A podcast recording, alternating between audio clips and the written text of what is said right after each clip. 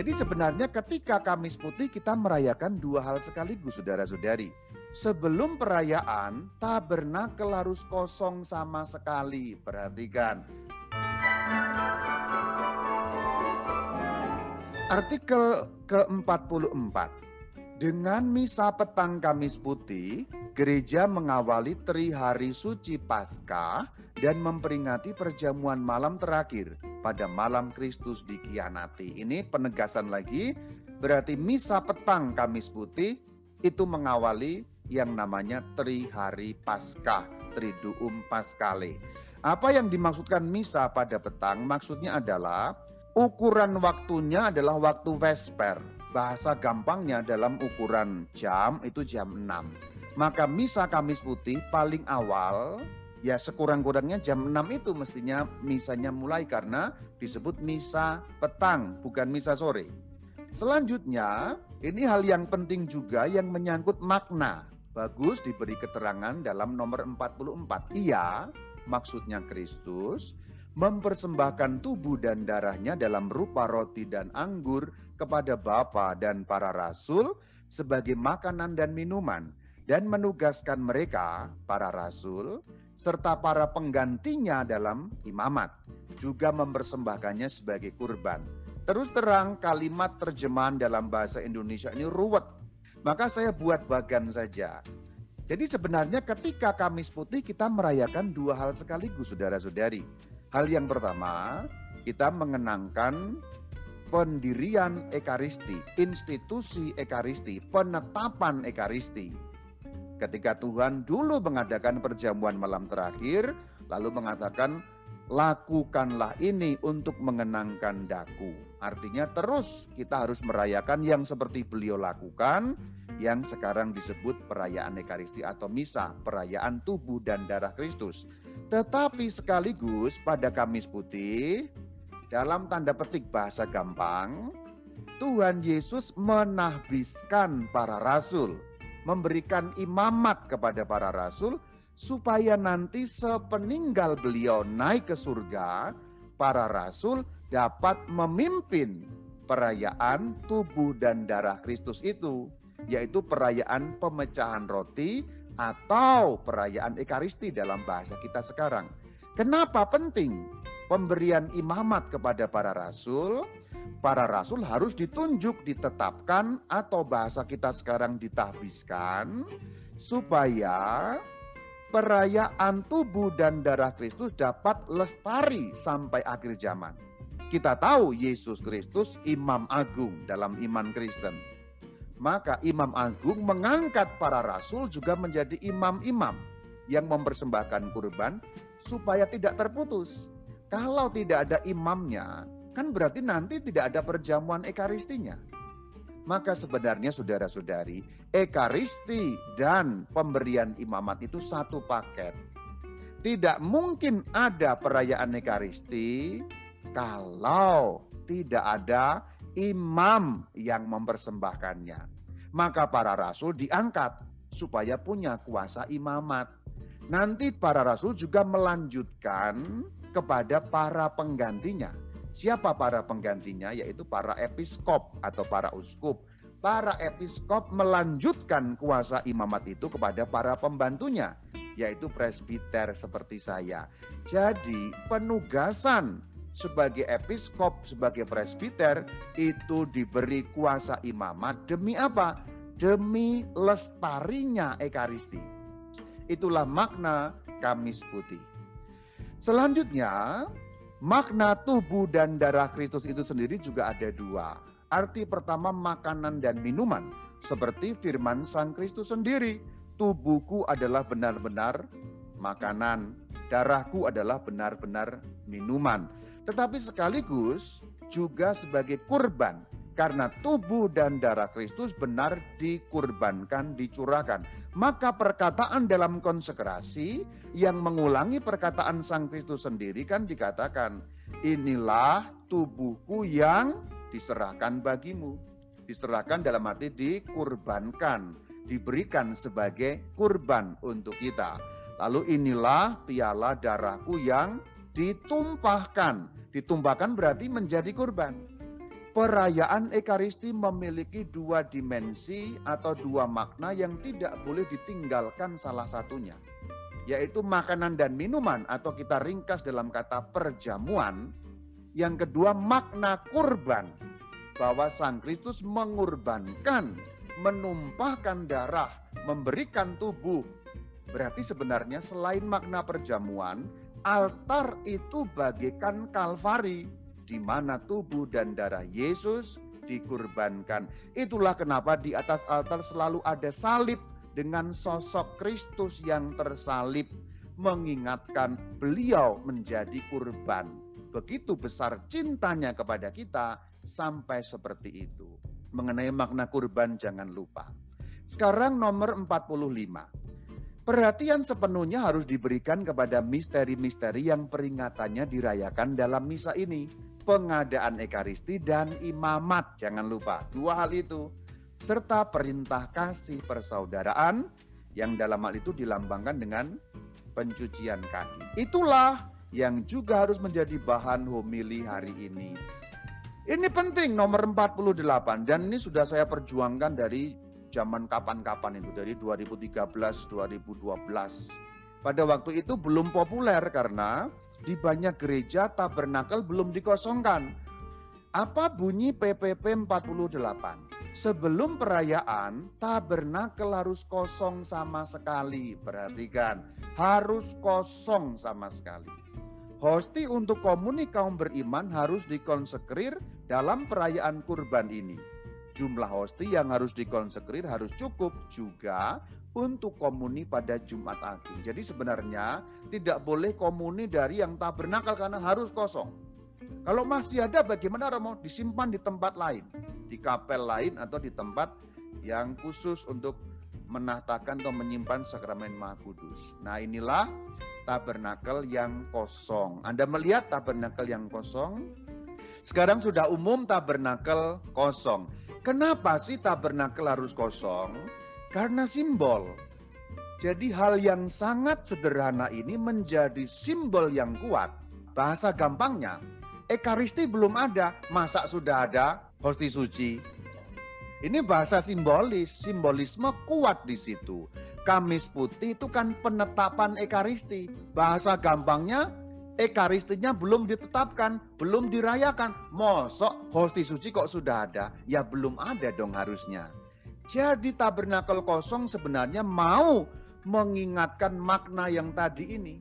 Bahwa Kamis Putih itu penetapan Ekaristi. Jadi tabernakel kosong ini penting sekali sebagai bahan katekese. Beberapa tahun saya justru ber, bertolak dari tabernakel kosong itu homili saya. Saudara-saudari tabernakelnya kosong. Lalu saya mulai dari situ. Bahan homilinya tentang itu. Maka saudara-saudari kalau nanti parokimu belum kosong, tolong ingatkan Bapak Pastor parokimu supaya mengosongkan sebelum perayaan sehingga makna simbolik ini menjadi kuat bahwa itulah hari penetapan Ekaristi. Hosti suci belum ada. Nanti Anda juga dapat memforward dokumen PPP ini kepada Bapak Pastor Paroki Anda masing-masing. Kalau sudah kosong, puji Tuhan bagus sekali. Nomor 49 sekarang. Untuk menyimpan sakramen Maha Kudus harus dipersiapkan kapel dan dihias dengan pantas yang mengundang untuk doa dan meditasi. Dianjurkan suatu kesederhanaan yang sesuai dengan hari-hari ini. Jadi dihias, pantas tapi sederhana. Terlalu megah malah tidak cocok dengan nomor 49 karena dihias, pantas tapi sederhana.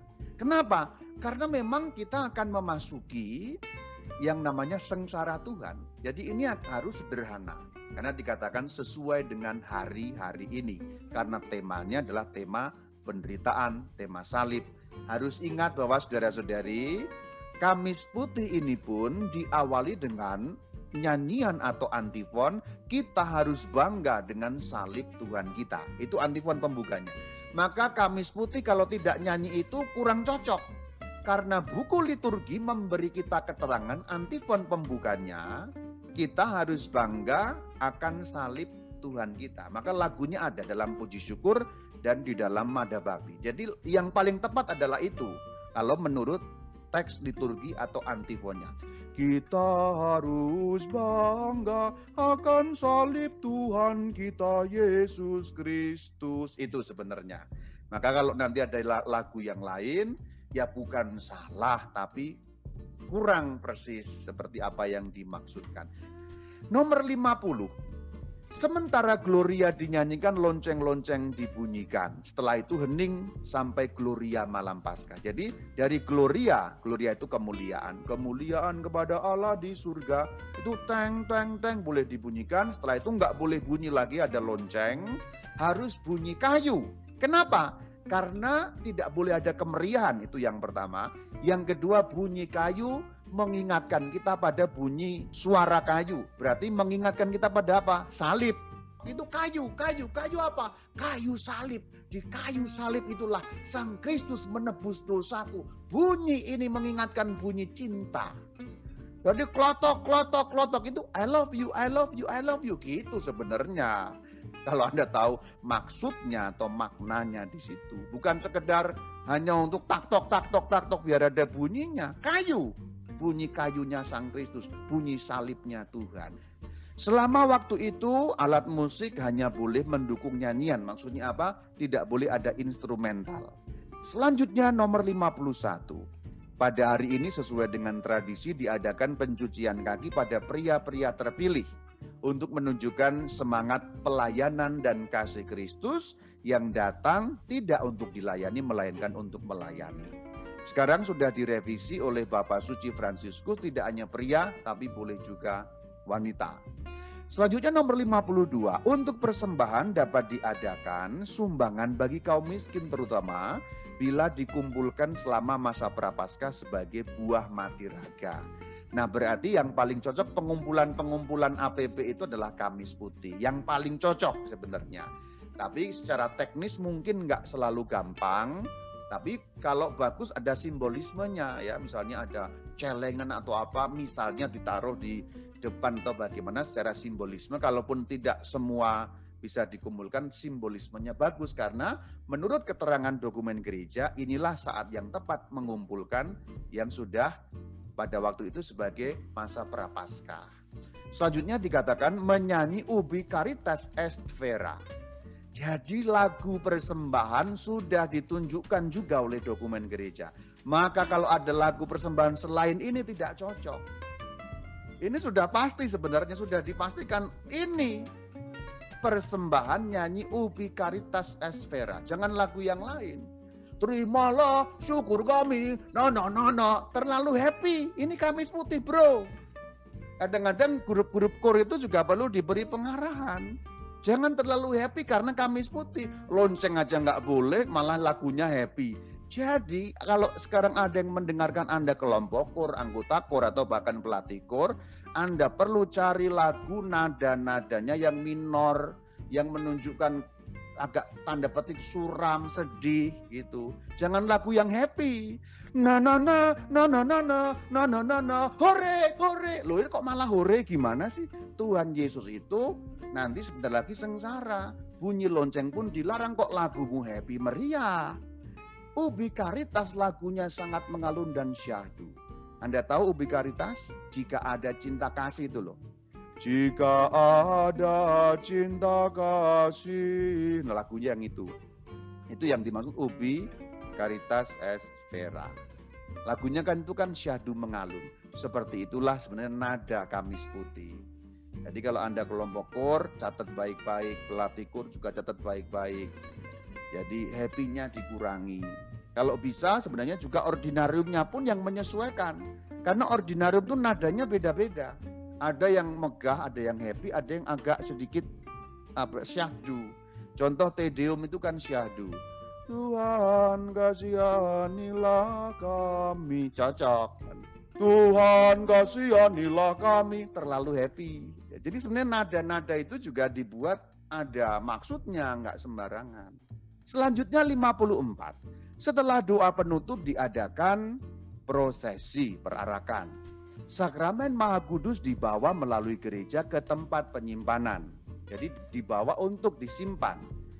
sudah diatur urutannya yang perarakan itu. Pembawa salib terdepan, berarti salib misdinar itu bawa salib paling depan. Diikuti pembawa lilin dan dupa, berarti salib, lilin, dupa. Madah panjelingwa atau nyanyian ekaristis lain dinyanyikan.